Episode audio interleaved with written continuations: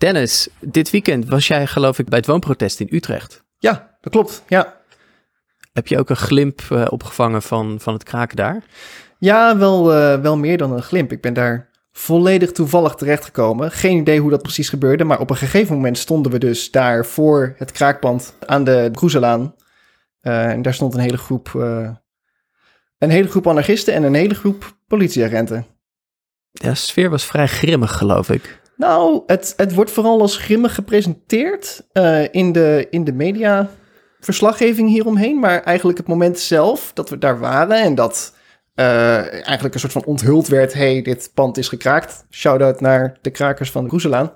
Dat was eigenlijk heel feestelijk. Feestelijk? En we kwamen daar, of tenminste de mensen die daar naartoe waren gekomen met een plan... die waren daar eigenlijk om, om uh, naar mijn idee, om te vieren dat okay. het gebeurd was. Het was een heel mooi moment. De politie stond daar alleen om hen daarvan tegen te houden. Het is mij nog steeds niet helemaal duidelijk wat nou precies het plan was. Maar ik denk dat uh, ook de, de ME al snel door had dat er niet echt veel te halen viel voor ze. Oké, okay.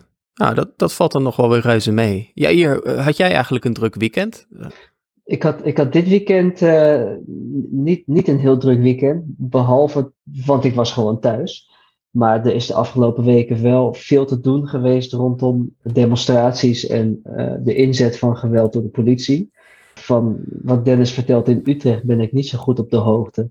Maar uh, een paar weken daarvoor was er in uh, Amsterdam ook een demonstratie voor een betere woonsituatie. En in Rotterdam een demonstratie waarbij veel geweld is gebruikt. In Rotterdam is sowieso veel te doen rondom de politie en geweld en discriminatie en racisme bij de politie intern. Uh, en de politie Rotterdam had veel te stellen met de demonstraties tegen het coronabeleid die uit de hand gelopen zijn. Dus uh, ja, er speelt veel. Er speelt veel. Ja. Nou, we hebben veel om te bespreken. En hallo trouwens, hooggeëerde luisteraars. Welkom bij een nieuwe aflevering van Het Redelijke Midden. De podcast met de huppel in politieknuppel en de zin in geweldsinstructie. Want deze woordgrappen zijn een zonde tegen alles wat goed en mooi is in deze wereld. Hoe dan ook, excuses daarvoor. We gaan het hebben over politiegeweld vandaag. Ik ben Thijs en ik ben hier vandaag met co-host Dennis Hallo. en onze gast van Controle Alt Delete, Jair Schalkwijk. Welkom jij hier. Hallo. Uh, heel erg fijn dat je er bent en dat je met ons wil praten over dit grote dossier politiegeweld. Uh, want jullie hebben er wat mee te stellen. Je zei net al uh, Rotterdam, de gebeurtenissen van afgelopen weekend waar een anti-corona demonstratie erg uit de hand liep en waar politie heeft schoten heeft gelost, maar eerder ook al woonprotesten waar de politie een groep demonstranten insloot en geweld gebruikte. Nou, jij bent van Controle Alt Elite. Dat is een uh, stichting die zich inzet voor de beperking van politiegeweld, als ik dat zo goed zeg. Of, of, of komt er nog iets meer bij kijken? Ja, dus Controle Alt Elite is een onafhankelijke organisatie. We zetten ons in voor eerlijk en effectief politiewerk. Lees tegen ethisch profileren. Uh, en voor minder politiegeweld. En als de politie wel geweld gebruikt, dat ze daar ook op een transparante manier verantwoording over afleggen naar burgers toe. En, en ik moet gelijk, gelijk een kanttekening plaatsen bij dat woord politiegeweld. De politie noemt dat zelf geweldstoepassingen, um, omdat de politie ook de bevoegdheid heeft om geweld toe te passen. En het woord politiegeweld suggereert dat het altijd niet goed is, terwijl in sommige gevallen, in misschien wel in veel gevallen heeft de politie echt het, het, het, het, recht aan zijn kant als ze geweld toepassen. Dus daarom zeggen, hebben we het zelf vaak over buitenproportioneel geweld. Als, er, mm als de politie geweld gebruikt dat buiten hun bevoegdheden gaat. En het woord politiegeweld gebruiken we dus zelf minder vaak vanuit controle altijd. Tenzij we het dus hebben over het type politiegeweld, het type geweldstoepassingen dat buitenproportioneel is. Oké, de politie heeft het geweldsmonopolie. Precies. Um, mag wettelijk geweld, geweld uitoefenen. Uh, en geweld is een van de instrumenten van het politieapparaat, uh, zeg je. Ja. Zeker, ja. en, en daar, daar kan je natuurlijk een discussie op zich over, over opzetten. Maar als je puur kijkt naar geweldstoepassingen, is, is de vraag steeds: was dat geweld uh, gerechtvaardigd of niet? Was het proportioneel mm -hmm. of was het disproportioneel?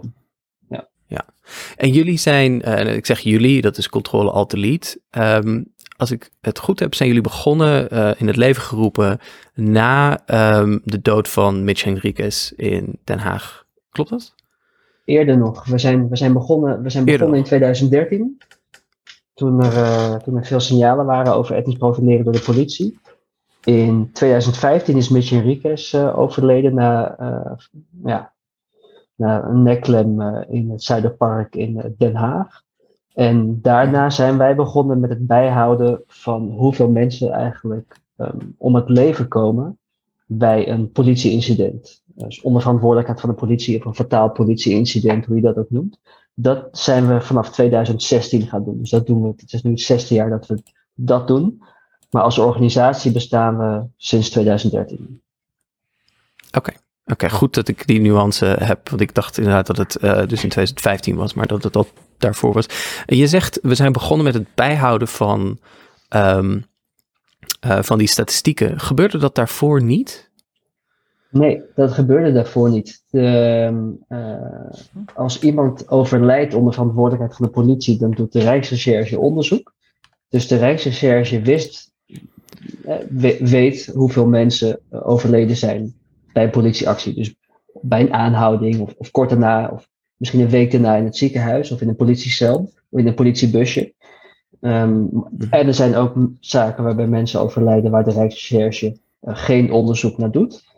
Um, maar de, uh, het OM, onder wiens verantwoordelijkheid, het Openbaar Ministerie, onder wiens verantwoordelijkheid de Rijksrecherche werkt, bij dit soort onderzoeken, mm -hmm die publiceerde dat nooit. Die publiceerde alleen cijfers over mensen die waren doodgeschoten door de politie. Dus dat betekent dat mensen die op een andere manier om het leven waren gekomen dan door een politiekogel, zoals Mitch Henriquez, niet voorkwamen mhm. in, in, in het, ja, de cijfers die het OM publiceerde, waardoor ze ook geen onderdeel uitmaakten van het publieke debat. De zaak van Mitch Henriquez wel natuurlijk, hè, en een aantal andere mensen ook. Maar we hm. hadden als, als burgers geen zicht op, hoe, op, om hoeveel mensen dat ging. Dat is, dat is wel opvallend, toch? Ik bedoel, ja, misschien omdat politiekogels zijn natuurlijk heel high profile, zeg maar. En die andere dingen zijn wat stiller, ja. in zekere zin. Maar is dat de reden waarom het dan niet opgenomen werd? Omdat het, omdat het een soort van ont, niet aan ontkomen valt? Ja, ik, het is moeilijk te zeggen, want ook, ook andere wijzen van, overle van overlijden zijn zeer hard profile, hebben een grote impact voor de nabestaanden en de gemeenschappen waar ze uit voorkomen. Um, dus wij hebben dat bijgehouden. En, en, eerder was dus het beeld altijd: in Nederland overlijden jaarlijks 1 tot 3 mensen onder verantwoordelijkheid van de politie. Dat betekende dus doodgeschoten. Maar inmiddels weten we dat dat er gemiddeld 10 zijn. Dus gemiddeld overlijden elk jaar 10 mensen bij een fataal politieincident in Nederland. En uh, mede door onze druk in de Tweede Kamer wordt dat vanaf nu mhm. wel bijgehouden door het Openbaar Ministerie en de politie. Dus vanaf 2021, vanaf dit jaar, worden deze cijfers wel publiekelijk gedeeld. Wat zijn, wat zijn de criteria um, op basis waarvan de politie, zeg maar, uh, of het Openbaar Ministerie uh, een, een overlijden uh, meeneemt in die statistieken? Want ik, een vraag waar ik mee zit is, eerder werd dat niet gedaan. Misschien duidde dat wel op een um, soort houding bij het Openbaar Ministerie of bij de politie dat ja, als er iemand kwam te overlijden in de context van politieactie of politieinzet, ja, dan was dat misschien niet per se de verantwoordelijkheid van de politie, want er was niet een rechtstreekse handeling die vooraf ging aan het overlijden. Ik kan me voorstellen dat er een groot grijs gebied is waarin bijvoorbeeld de politie liever zou zeggen, ja, maar dit is niet onze verantwoordelijkheid. Um, de persoon in kwestie had misschien uh, verdovende middelen in, in zijn systeem. Er was een andere situatie aan de hand. Um, um, kun, je, kun je wat meer zeggen over misschien die criteria en, en gronden waarop misschien ook de politie zegt, ja, maar dit, dit is nou helemaal niet onze verantwoordelijkheid? Als iemand overlijdt bij een politieincident, mm -hmm. dan doet de Rijksrecherche onderzoek onder het gezag, zoals dat formeel heet, van het Openbaar Ministerie. De Rijksrecherche wordt neergezet als een onpartijdige organisatie, maar is niet een volledig onafhankelijk opererende organisatie, omdat er altijd nog die gezagsrelatie is met de minister van Justitie, waar trouwens ook de politie onder valt. Dus het, uh, het mhm. WODC, het, het, onderzoeksinstituut van het uh, ministerie van Justitie en Veiligheid, heeft hier eerder al op gewezen, al jaren geleden, en gezegd: dit is echt een lacune in Nederland, dat we geen onafhankelijk toezicht hebben op dit soort uh, incidenten. Toch, toch doet de Rijksrecherche wel in al die zaken onderzoek. Die brengen dan een rapport uit. Het rapport gaat naar het OM. En het OM buigt zich dan over de vraag of die agent strafbare feiten heeft gepleegd. En als dat het geval was, dan wordt die agent voor de rechter gebracht. Nou, wij hebben mhm. eh, sinds 2016 tot eind, ja, tot nu eigenlijk, hebben we 54 zaken gedocumenteerd. Wij hebben nog niet gezien dat agenten ehm, vervolgd zijn. Dus in alle zaken sinds 2016 die wij geregistreerd hebben, en er zitten mogelijk zaken, mhm. eh, mogelijk hebben wij zaken gemist omdat ze niet, echt niet in het nieuws geweest zijn. Uh, maar in geen van die gevallen is een agent uh, zelfs maar als verdachte aangemerkt of voor de rechter gebracht. Dus jullie zijn eigenlijk afhankelijk van het nieuws hiervoor om dit soort zaken te zien? Of eh, is er een directe lijn met de politie? Wij volgen uh, berichtgeving van de politie op website en social media. We volgen berichtgeving van de Rijksrecherche. Uh, en we volgen via Google Alerts uh, een, ja, een heleboel onderwerpen. Uh, en er zijn een heleboel mensen die ons mhm. volgen, die ook zelf het nieuws volgen, die dan ons dingen toesturen. Dus ja, we zien vrij veel, maar ja, ongetwijfeld missen we, missen we dingen. Maar dat deze mensen niet mhm. vervolgd zijn, dat weten we zeker. Want we, we, we bijvoorbeeld, wat we dan doen aan het eind van elk jaar, is bellen met het Openbaar Ministerie. Die overigens niet een um, centraal overzicht bijhoudt. Dus je moet met alle perswoordvoerders van alle aparte afdelingen van het OM bellen en vragen hoe zit het in die zaak, hoe zit het in die zaak, hoe zit het in die zaak. En op die manier werken we al zes jaar lang om uh, zo'n overzicht te maken. Oh mijn hemel, dat is een enorm karwei. Dus, dus jullie zijn eigenlijk het centraal overzicht? Ja, wij zijn het centraal overzicht. En dat is natuurlijk helemaal niet onze verantwoordelijkheid. Maar niemand anders deed dat. Um, er komt binnenkort, er wordt nu gewerkt aan een onderzoek waarbij er een, een beter onderzoek uh, wordt gedaan, of, of, beter op basis van bronnen van de Rijksrecherche. Uh, en daar zien we erg naar uit, uh, naar wat eruit komt. Ik ben ja. heel benieuwd naar. Ja, ja en je, je, je noemde net dodelijk politiegeweld, ongeveer gemiddeld zo'n 10 gevallen per jaar. Um, 1 tot 3 gevallen door een kogel, de andere gevallen door uh, andere vormen van politieoptreden. Dat is dodelijk geweld. Um, maar ja, uh, gewoon geweld zonder dodelijke afloop. Uh, een klap krijgen met een stok, waardoor je misschien naar het ziekenhuis moet met een, met een wond of, of wat dan ook. dat komt denk ik veel meer en veel vaker voor. hebben jullie daar ook ehm, harde cijfers over? Ja, uh, nog, nog één keer terugkomend op wat je zei, hè, want je noemt het dodelijk politiegeweld. Dus daar moet ik toch nog een keer de onderscheid maken, omdat ik echt cijfer wil blijven en ik ook nog onderdeel uitmaak van de podcast Het Redelijke Midden, waar ik absoluut het Redelijke Midden wil, uh, uh, aan het woord wil laten. Maar dus... Oké, ja, ja. Eigenlijk zou je dan moeten zeggen dodelijke geweldstoepassingen. Mensen overlijden Dodelijk als gevolg van een geweldstoepassing die later dodelijk is. Of je dat ook dodelijk politiegeweld moet noemen, hangt af van de beoordeling of het geweld disproportioneel was. Volgens het Openbaar Ministerie was het in alle gevallen correct, rechtmatig, binnen de grenzen van de wet. Nou ja, en in sommige gevallen denken wij, dat begrijpen we. In sommige gevallen denken we, nou, dat is absoluut niet het geval. Hier hebben wij heel veel vraagtekens bij. Hoezo komt dit niet voor de rechter? En in heel veel gevallen weten we dit niet omdat er vrijwel niks over bekend is. Soms weten we niet eens um, iemands naam. Uh, het OM stuurt ook uh, regelmatig geen persbericht uit waarin staat hoe een zaak is afgedaan. Het is allemaal buitengewoon sumier, de informatie uh, hierover. Mm -hmm. Zo, ja, die moest, die moest, daarvoor moest je, daar moest ik even terugkomen. ja, nee, het is een heel belangrijke nuance. Ik begrijp hem heel goed ook. Um, uh, ik, ik, ik ga te kort door de bocht en ik denk dat ik de fout nog wel een paar keer ga maken. Maar niet uit, ik ga, je gewoon, ik ga um, gewoon steeds dit zeggen.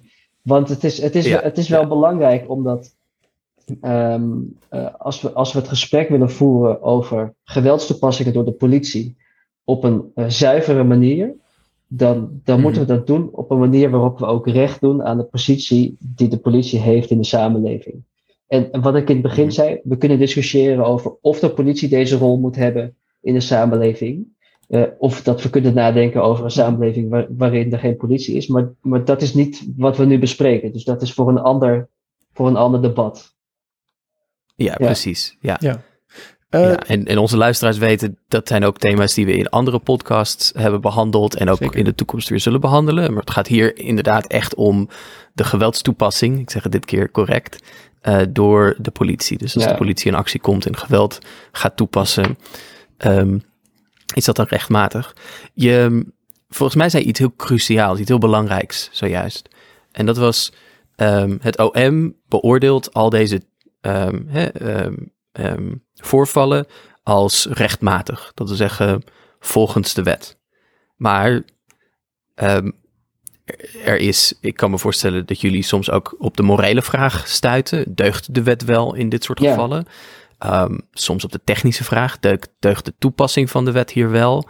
Um, kun je wat meer vertellen over die wetmatige of die rechtvaardigheid en, en rechtmatigheid van, van, het, uh, uh, van de geweldstoepassing door uh, de politie? Want ik, ik meen dat er ook een wetsverandering recent is doorgevoerd. Je ziet op social media soms allerlei beelden rondgaan van geweld door agenten. Soms zijn die beelden, uh, zie je alleen een fragment waarin een agent geweld gebruikt. Een agent die slaat of een stompheid deelt. Dat is heel moeilijk te beoordelen, omdat je niet weet mhm. wat eraan vooraf is gegaan. Daarom roepen wij mensen ook altijd op, film alle interacties met de politie vanaf het begin, zodat je een beter beeld hebt van wat er gebeurd is. Film alles. Je hebt het recht om te filmen in de openbare ruimte. Daar heb je geen toestemming voor nodig van de politie zolang je het werk van agenten niet hindert. Ehm, als je dan wil weten of die agent uh, geweld gebruikt dat conform de wet is, wat rechtmatig is, dan moet je kijken in de politiewet en in de ambtsinstructie. En daarin wordt eigenlijk uitgelegd per type geweld, uh, wanneer het geweld ingezet mag worden en hoeveel geweld er mag worden gebruikt. Dus het gaat uh, over het vuurwapen, um, pepperspray, uh, het waterkanon, het wapenstok, de politiehond. Stroomstootwapen komt er binnenkort ook bij, de taser, hè, die gaat de politie ook in de basis politiezorg krijgen. Alle agenten krijgen een taser. Um, en dan heb je ook nog fysiek geweld, dus het uitdelen van, van klappen, et cetera.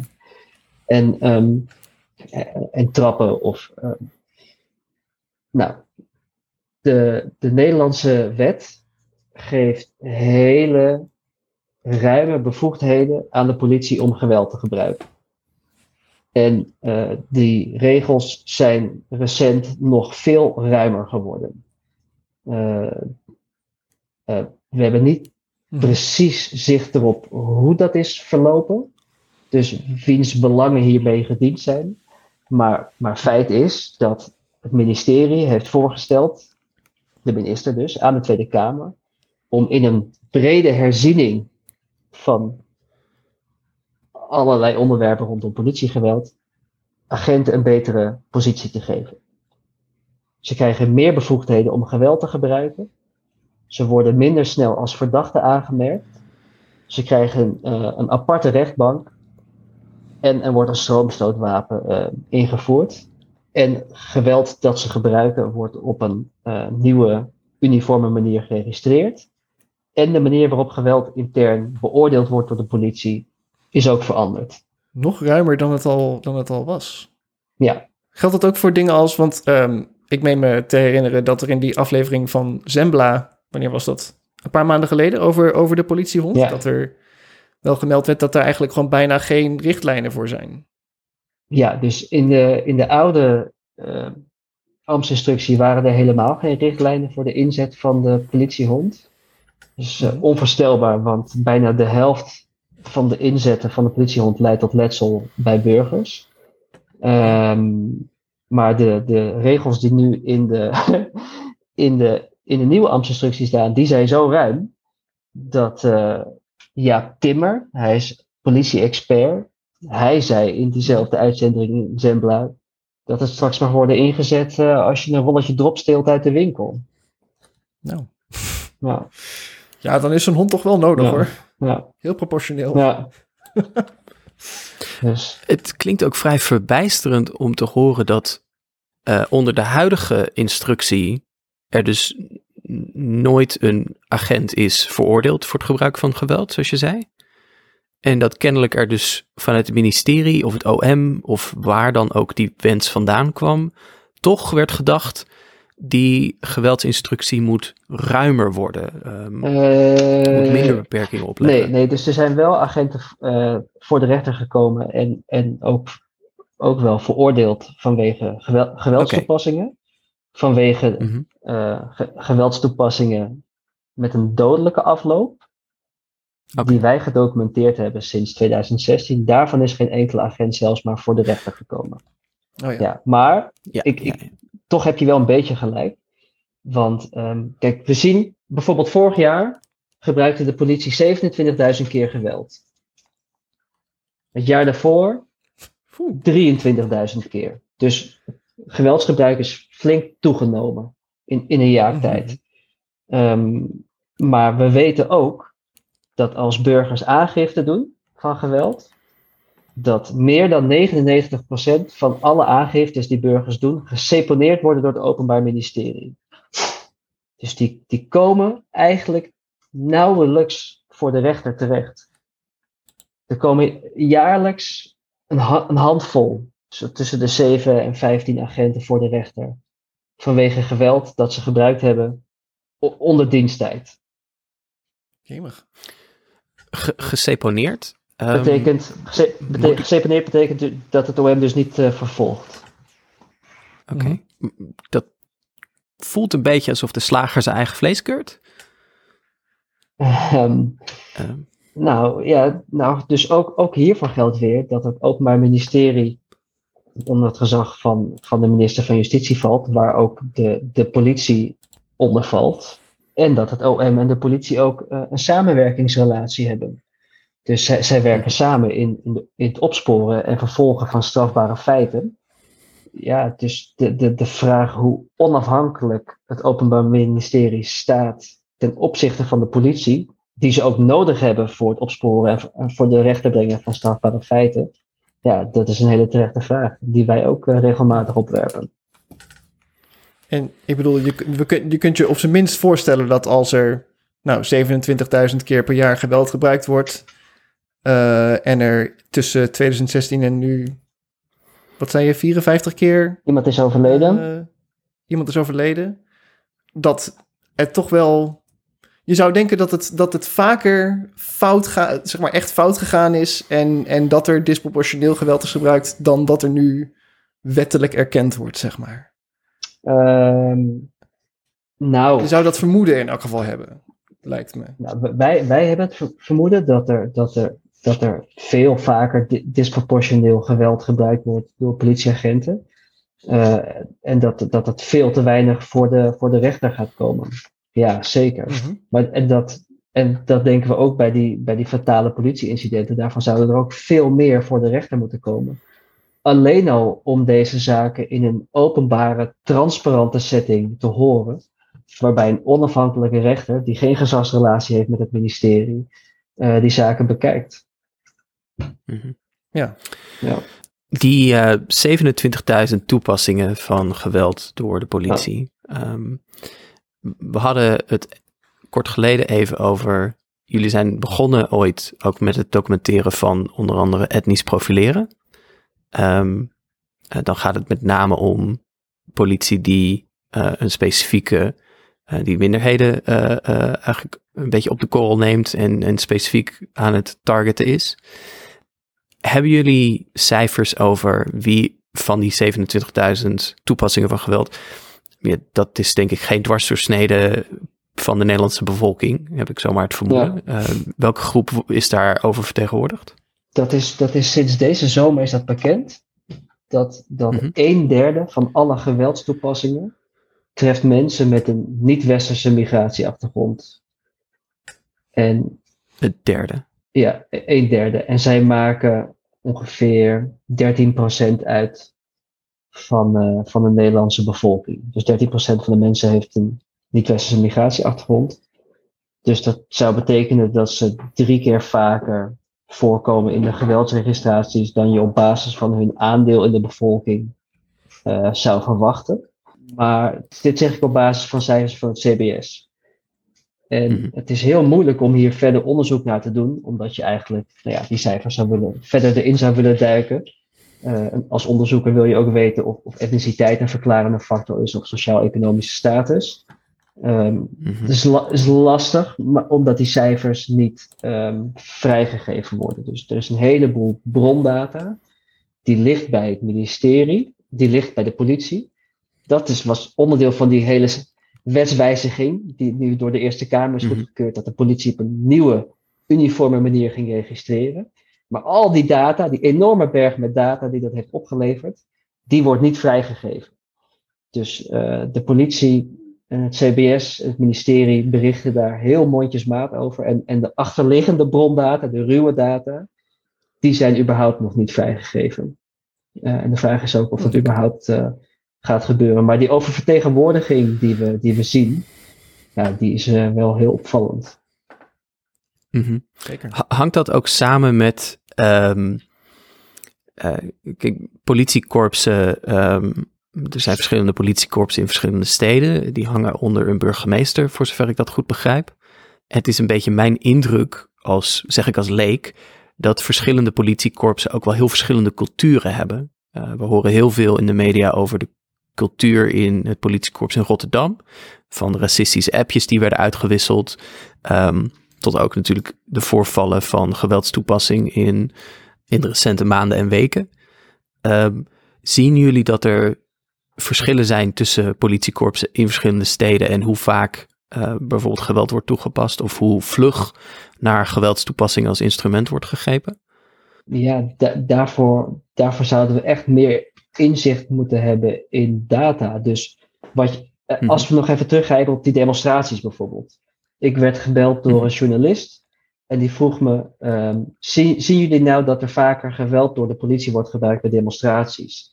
En zie je nou dat, dat, uh, dat er bij bepaalde demonstraties meer geweld wordt gebruikt uh, door politieagenten dan bij andere demonstraties? Wordt Extinction mhm. Rebellion op dezelfde manier benaderd als, als de mensen van het woonprotest en worden die anders benaderd dan de mensen van de corona-demonstraties? Nou, daar, hebben we, daar zijn mm -hmm. volstrekt geen data over gepubliceerd door de politie mm -hmm. of het ministerie, mm -hmm. terwijl die data er duidelijk wel zijn. Uh, dus ja. het is heel moeilijk. En we hebben nu wel cijfers over um, geweldstoepassingen per uh, team. Dus ze zijn in, de politie is in eenheden georganiseerd. Um, en je ziet dat Rotterdam en Den Haag de uitspringen als het geweld, gaat om geweldstoepassingen. Uh, Maar goed, daar wonen misschien ook dan weer meer mensen. Dus dat moet je ook. En er worden meer demonstraties georganiseerd. Dus dat moet je dan ook weer afzetten tegen het aantal demonstraties uh, en het, het, bevolkingsaantallen. Dus het is, het is wel moeilijk hoor, om ba op basis van, van kale cijfers daar wat, uh, wat over te zeggen. Ja, zeker. Ja. Maar durf je daar anekdotisch wat over te zeggen? Want ik denk dat ook zo'n journalist misschien uh, uh, benieuwd is van... Ik kan me de beelden nog herinneren van het boerenprotest. Hè? De boeren die ja. met hun tractors het Malieveld omploegden. En de politie die eigenlijk... Of we zagen beelden van agenten in ieder geval... die er een beetje gezellig bij stonden. Het leek heel gemoedelijk en, en, en amicaal zelfs. Uh, terwijl andere protesten waar demonstranten eigenlijk... Ja, voor het oog um, niet vernielingen aanrichten of niet iets illegaal deden, anders dan een kruispunt bezet houden, daar werden mensen toch vrij hardhandig en ruw weggesleept. Ja. En, en, en, misschien hebben de boeren juist weer een heel ander beeld van uh, een tegenovergesteld beeld en hebben de coronademonstranten uh, die, die vaak wel heel vreedzaam demonstreren, uh, ook een heel ander beeld. Mhm. Dus het is, het, ik vind het, ja, het is moeilijk om te zeggen en, en je zou daar wel gegevens uh, voor nodig hebben. Dus dit is, dit, is, dit is ook onderdeel van het werk dat we doen. Hè? Dus constant mhm, oproepen bij, bij gemeenteraden, bij Tweede Kamerleden, bij burgemeesters, bij de politie, bij het ministerie. En zeggen, wees transparant. Uh, laat ons zien waar je geweld gebruikt, hoeveel geweld je gebruikt. En vooral, dat is waar we nog het meest in geïnteresseerd zijn, hoe dat geweld wordt beoordeeld. Want de beoordeling van politiegeweld, die, die, um, die vindt voor, nou ja, ongeveer 90% plaats binnen de politie zelf. Dus ze hebben een intern beoordelingssysteem opgetuigd. Um, en daar wordt al het geweld dat agenten melden beoordeeld. Maar daar komt niks over naar buiten. Uh, En een deel van het geweld wordt beoordeeld door het Openbaar Ministerie. Nou, daarvan weten we dat wordt op een handvol na allemaal geseponeerd. Ja, ja. Is het ook zo dat politici, of het nu burgemeesters zijn, bestuurders um, of politieke partijen die controle uitoefenen op bestuurders, burgemeesters, het Openbaar Ministerie, is het ook zo dat politieke partijen eigenlijk ja, maar heel weinig bereid zijn om de politie heel kritisch te bevragen. Een van de indrukken die ik bijvoorbeeld heb als ik het nieuws lees. Ik denk bijvoorbeeld aan opnieuw het recente voorbeeld van de coronademonstratie in Rotterdam, waar de politie schoten heeft gelost.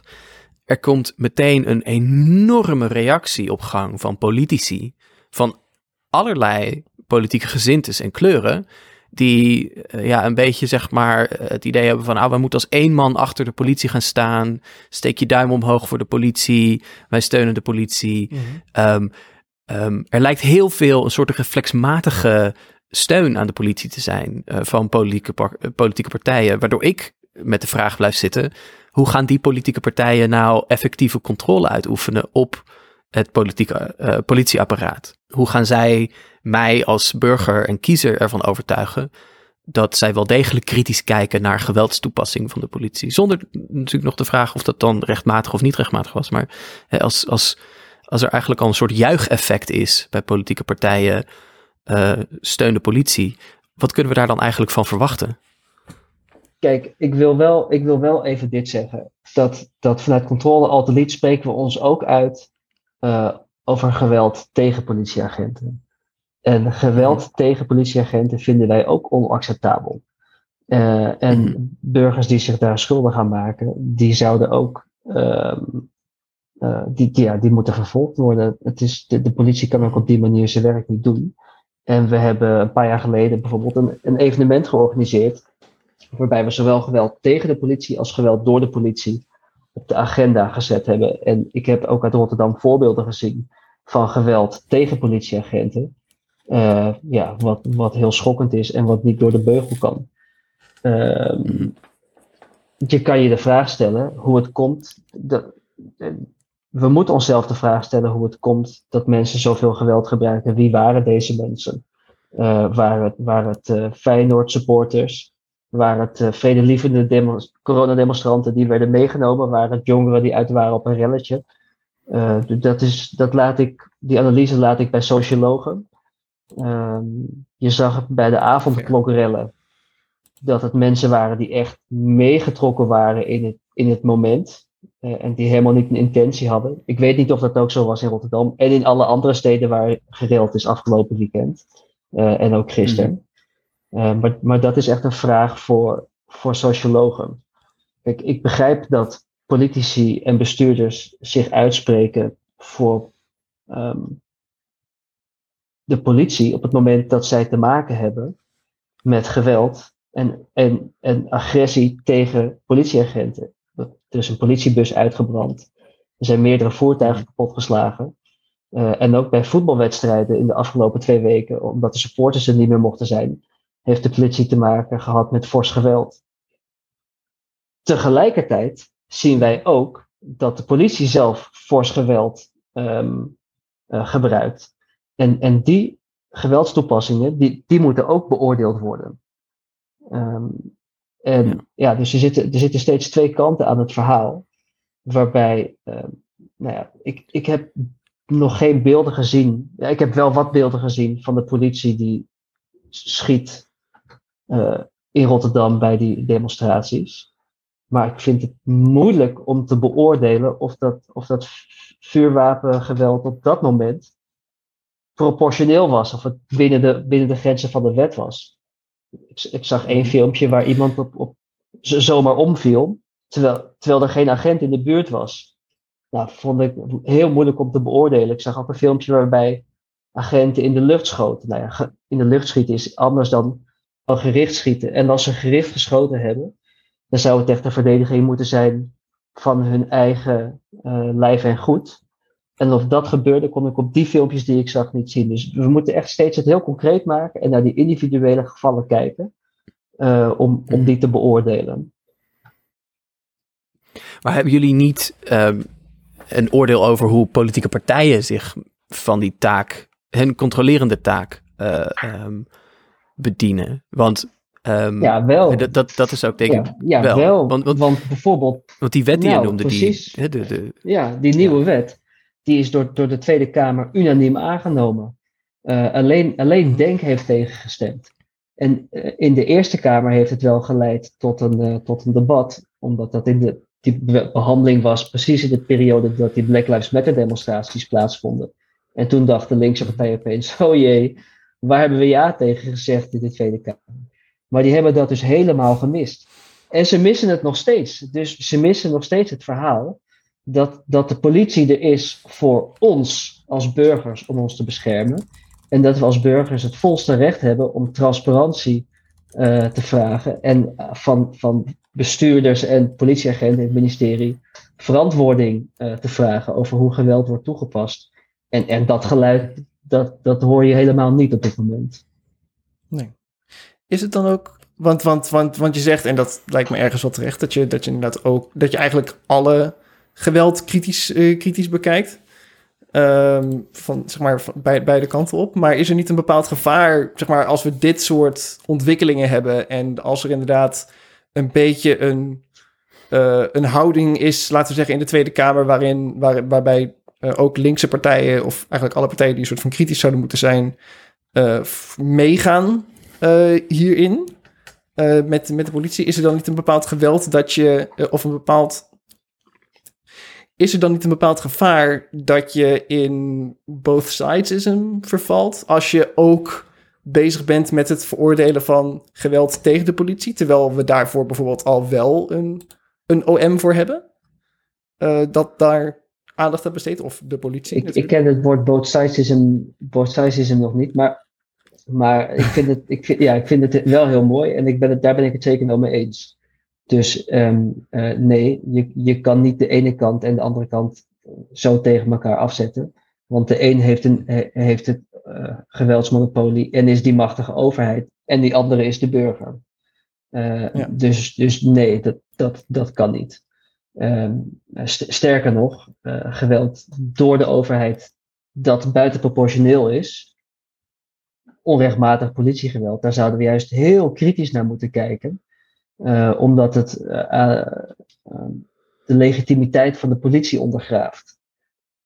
Ja. en tegelijkertijd moeten we ook oog hebben voor het geweld tegen politieagenten en, zeggen van, en daar ook van zeggen, dat kan niet. En dat mag niet. Mm -hmm. um, en, en, moeten we ook kijken naar het achterliggende verhaal van, van een overheid ja, waar, waar het vertrouwen in daalt. Een overheid die het vertrouwen beschaamt. Nou, ik kijk naar hoe de NCTV heeft opgetreden richting uh, islamitische stichtingen en moskeeën, uh, waar ze infiltranten heen ja. stuurden. Kijk naar hoe de NCTV heeft opgetreden tegen activisten van wie ze profielen opmaakten van, van hun gedrag, hun familie. grootschalig mensen volgden met nep-accounts op, op social media.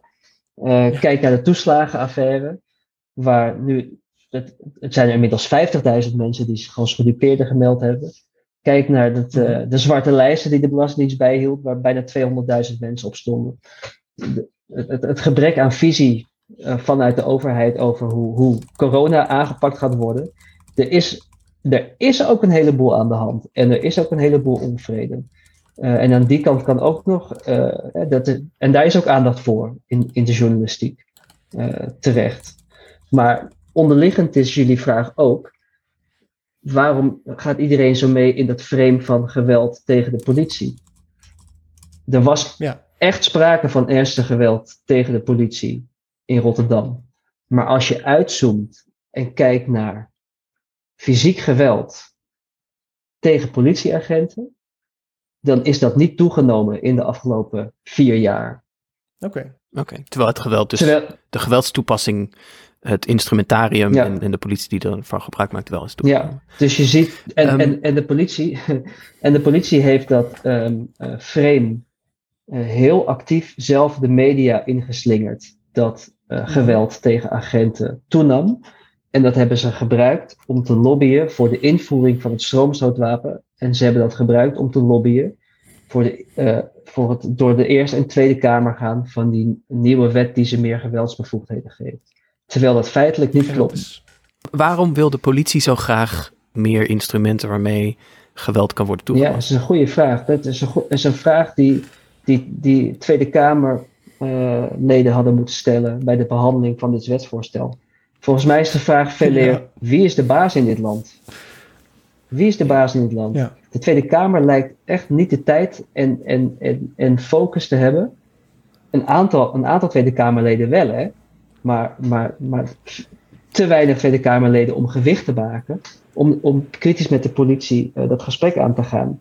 En, en mhm. eerder zei je, burgemeesters die zijn, um, hè, die zijn de baas van, van die lokale politie. Maar dat is dus eigenlijk niet meer zo. Met de landelijke politie zijn de burgemeesters niet langer de korpsbeheerder van de politie. En dat betekent dat de politiechef verantwoordelijk is voor het beleid dat wordt gevoerd. Als het gaat over personeelsbeleid, wie werkt er wel, wie werkt er niet, hoe hard worden mensen aangepakt die racistische dingen zeggen op WhatsApp of die te veel geweld gebruiken. Dat is allemaal de bevoegdheid van de politie zelf geworden. En is helemaal weggehaald bij de burgemeester. Hmm. En het moet dus aangevlogen worden via de Tweede Kamer en de minister en de, en de hoogste politiechef en dan de politiechefs daaronder. Dat is eigenlijk heel ondemocratisch op die manier. Er is, er is geen enkel democratisch toezicht op personeelsbeleid van de politie. Dat durf ik wel te hm. zeggen. Ja. En dus ook geen enkel democratisch toezicht op geweldstoepassingen door de politie. Omdat die, omdat die cijfers gewoon niet verstrekt worden. En, en de Tweede Kamer zich meermaals onbereidwillig heeft getoond om daar echt eens goed uh, zich in te nou, verdiepen. Nou, vooral in meerderheid zich onbereidwillig uh, heeft getoond. Ja. Ja. Want ik wil, ik, eh, ik wil de, de, de individuele uh, Tweede Kamerleden die zich er wel voor inzetten niet tekort doen. Nee, lijkt me terecht. Dat, ja. dat, dat is terecht. Over die uitbreiding van het arsenaal nog even. ik kan mij herinneren uit 2016 dat um, bijvoorbeeld Um, dat, werd, dat, werd, uh, dat ging om terreurdreiging. Zo werd dat in, althans uh, gemotiveerd door zowel politie als politieke partijen. Uh, verschenen er agenten met automatische wapens op straat, onder andere bij het Scheepvaartmuseum in Amsterdam. we hebben de discussie gehad over de vraag of bijzonder opsporingsambtenaren, BOA's, ik zeg dat goed geloof ik toch? Bijzonder opsporingsambtenaren een wapenstok moeten krijgen. Het stroomstootwapen wordt binnenkort dus ingevoerd.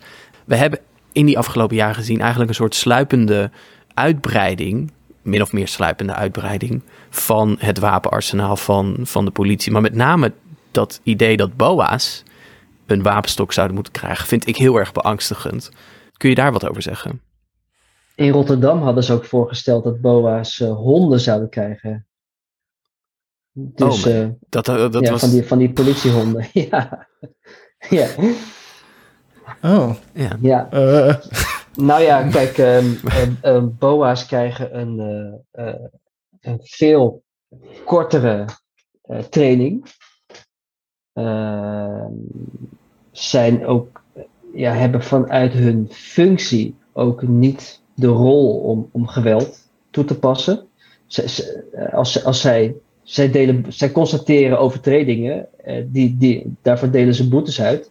En als ze het niet aankunnen, dan, is, dan moeten ze de politie bellen. En dan gaat de politie, die heeft dan het geweldsmonopolie en, en moet dan even, nou, hopelijk niet, maar moet soms met geweld uh, optreden. Dat is hoe het georganiseerd hm. is. Um, dus BOA's uitrusten met, met geweldsmiddelen um, gaat heel erg in tegen de taakverdeling tussen politie en BOA's. En grappig genoeg zijn de BOA's ook heel erg, heel erg aan het lobbyen voor meer wapens. Die lobby gaat uit van de vakbonden. Um, en ook de vakbonden uh, um, gebruiken daarover cijfers over geweld tegen BOA's. Dat zou toenemen. Ehm, en we zijn daar eens een keertje ingedoken. En het blijkt dat ze helemaal geen cijfers hebben over geweld tegen BOA's. Uh, ze hebben cijfers over hoe vaak BOA's denken dat ze te maken krijgen met geweld. Dus ze hebben BOA's geïnterviewd oh, over hoe vaak ze met geweld te maken hebben. En dat gepresenteerd als cijfers over geweld tegen BOA's. Uh, en daarmee ervoor gezorgd dat ze bij de, bij de minister aan tafel gekomen zijn. En dat ze inderdaad gelukt is om um, nou ja, dus ervoor te zorgen dat ze, dat ze uitgerust worden met een wapenstok. Ja, een mooi gevalletje feelings don't care about your facts. ja, precies. ja. Ja. Ja. ja. Um, we hadden het um, kort over um, uh, het etnisch profileren. We hadden het over die een derde, de extreme oververtegenwoordiging van mensen met een niet-westerse achtergrond in politiegeweld. Toch nog even, ja, natuurlijk, er is soms geweld dat vanuit burgers tegen agenten wordt gebruikt. Uh, veel, veel vaker gaat het om uh, geweldstoepassing van de politie tegen burgers. Waar ik een beetje mee zit is, weet je, ik ken ook de beelden van de politie die zeg maar in Den Haag in bepaalde wijken een heel agressieve en, en, en intimiderende aanwezigheid heeft die in, in, ja, misschien ergens ook wel een beetje uh, uitlokt. Hè? Dus de politie heeft gewoon een extreem slechte uh, relatie met de bewoners van die wijk. Heeft het daar in veel gevallen zelf naar gemaakt. Ja, dan snap ik. Ik, ik, vind, het, ik, vind het wat moeilijk. Want ik heb zoiets van. Ja, ik begrijp soms ook wel dat uh, er veel frustratie is onder jonge mensen. mensen die dagelijks te maken hebben. Die eruit gepikt worden voor preventief fouilleren. die, eruit, die, die, die gewoon hinderlijk worden, lastiggevallen door de politie. Wat is daar nou een oplossing voor? Als je, als je keer op keer te maken krijgt met een politie die je onterecht bejegent, maar keer op keer wordt er van jou gevraagd dat jij je netjes uh, gedraagt. Uh, en als je dan de, de, de tiende keer uh, een grote mond hebt, dan, dan word je meteen aangehouden vanwege belediging. Dus mm. dat, en dat is, dat, dat is die disbalans waar we het eerder ook over hadden. Het is geen gelijk gelijkvloerse ontmoeting tussen twee personen. Ja, van mens tot mens wel, maar van agent tot burger niet. Um, Dus ja, ook de tiende, ook de elfde, ook de twaalfde keer moet je constant dat spel tussen aanhalingstekens meespelen en netjes zijn. Want als je dat niet doet, loop je het risico op een aanhouding of op een boete of op, uh, of op, ja, op een andere manier vervelende ervaring. Uh, en toch is dat wel wat, je, wat je moet doen.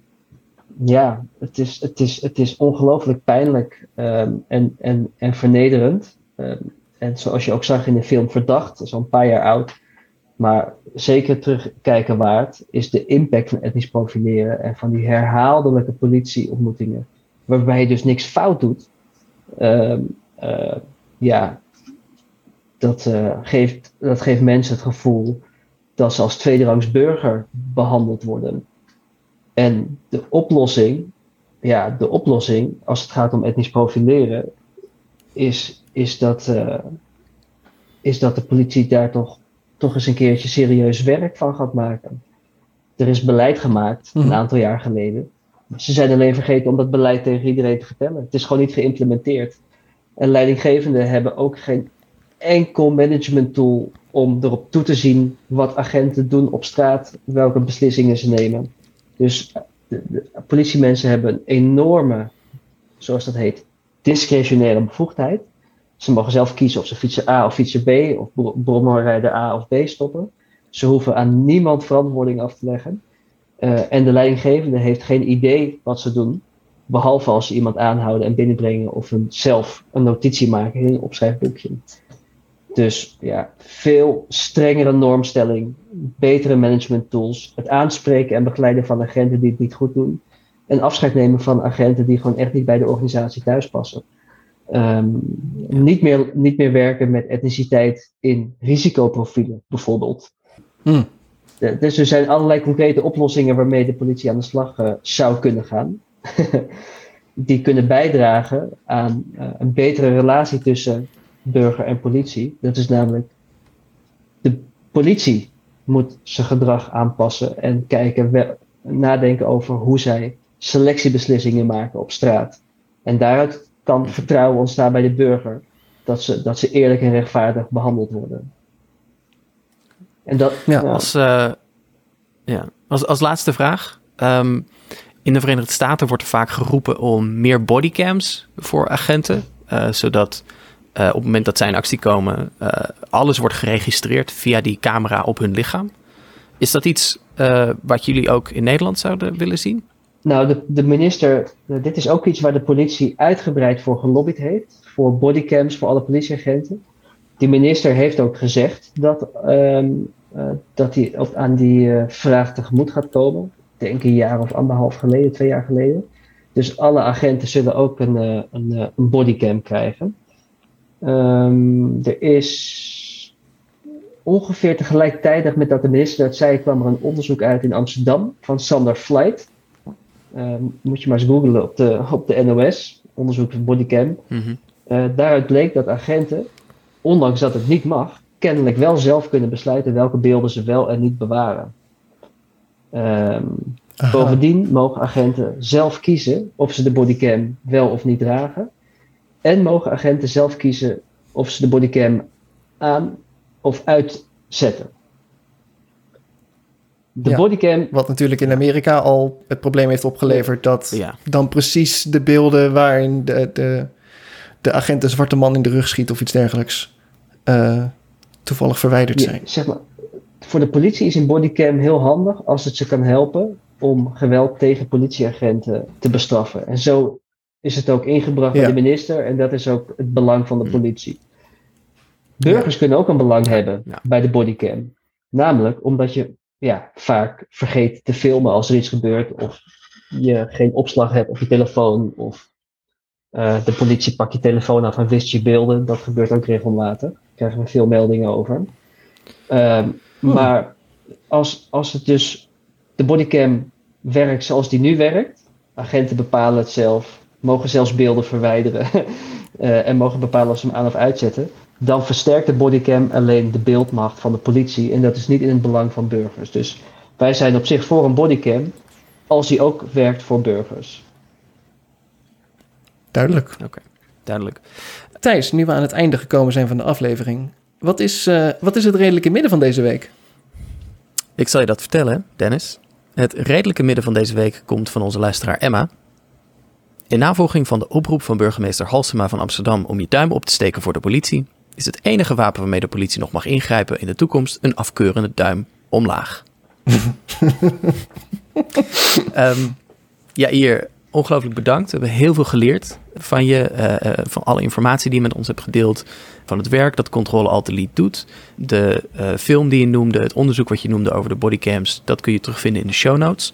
Um, en wij hopen natuurlijk dat je in de toekomst heel weinig werk te doen hebt. Maar goed, zolang het zo is als het is, zijn we blij dat, uh, dat jij er bent. Dit was het redelijke midden.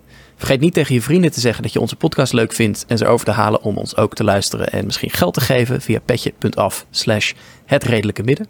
We zijn jou en iedereen die geld geeft aan ons heel erg dankbaar, lieve luisteraar. Of je nu kameraad bent of salonsocialist.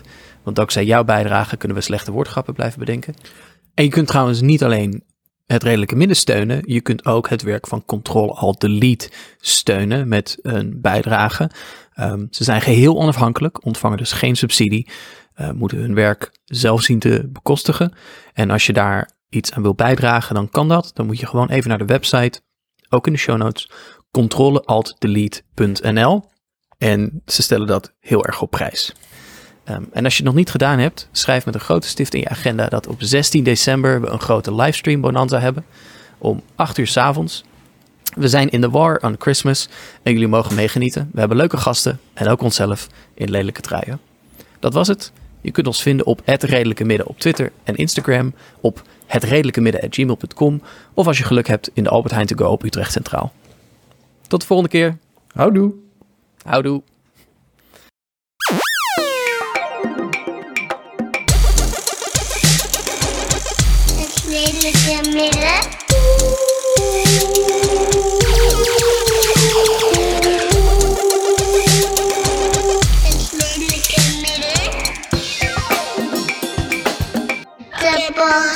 Bye.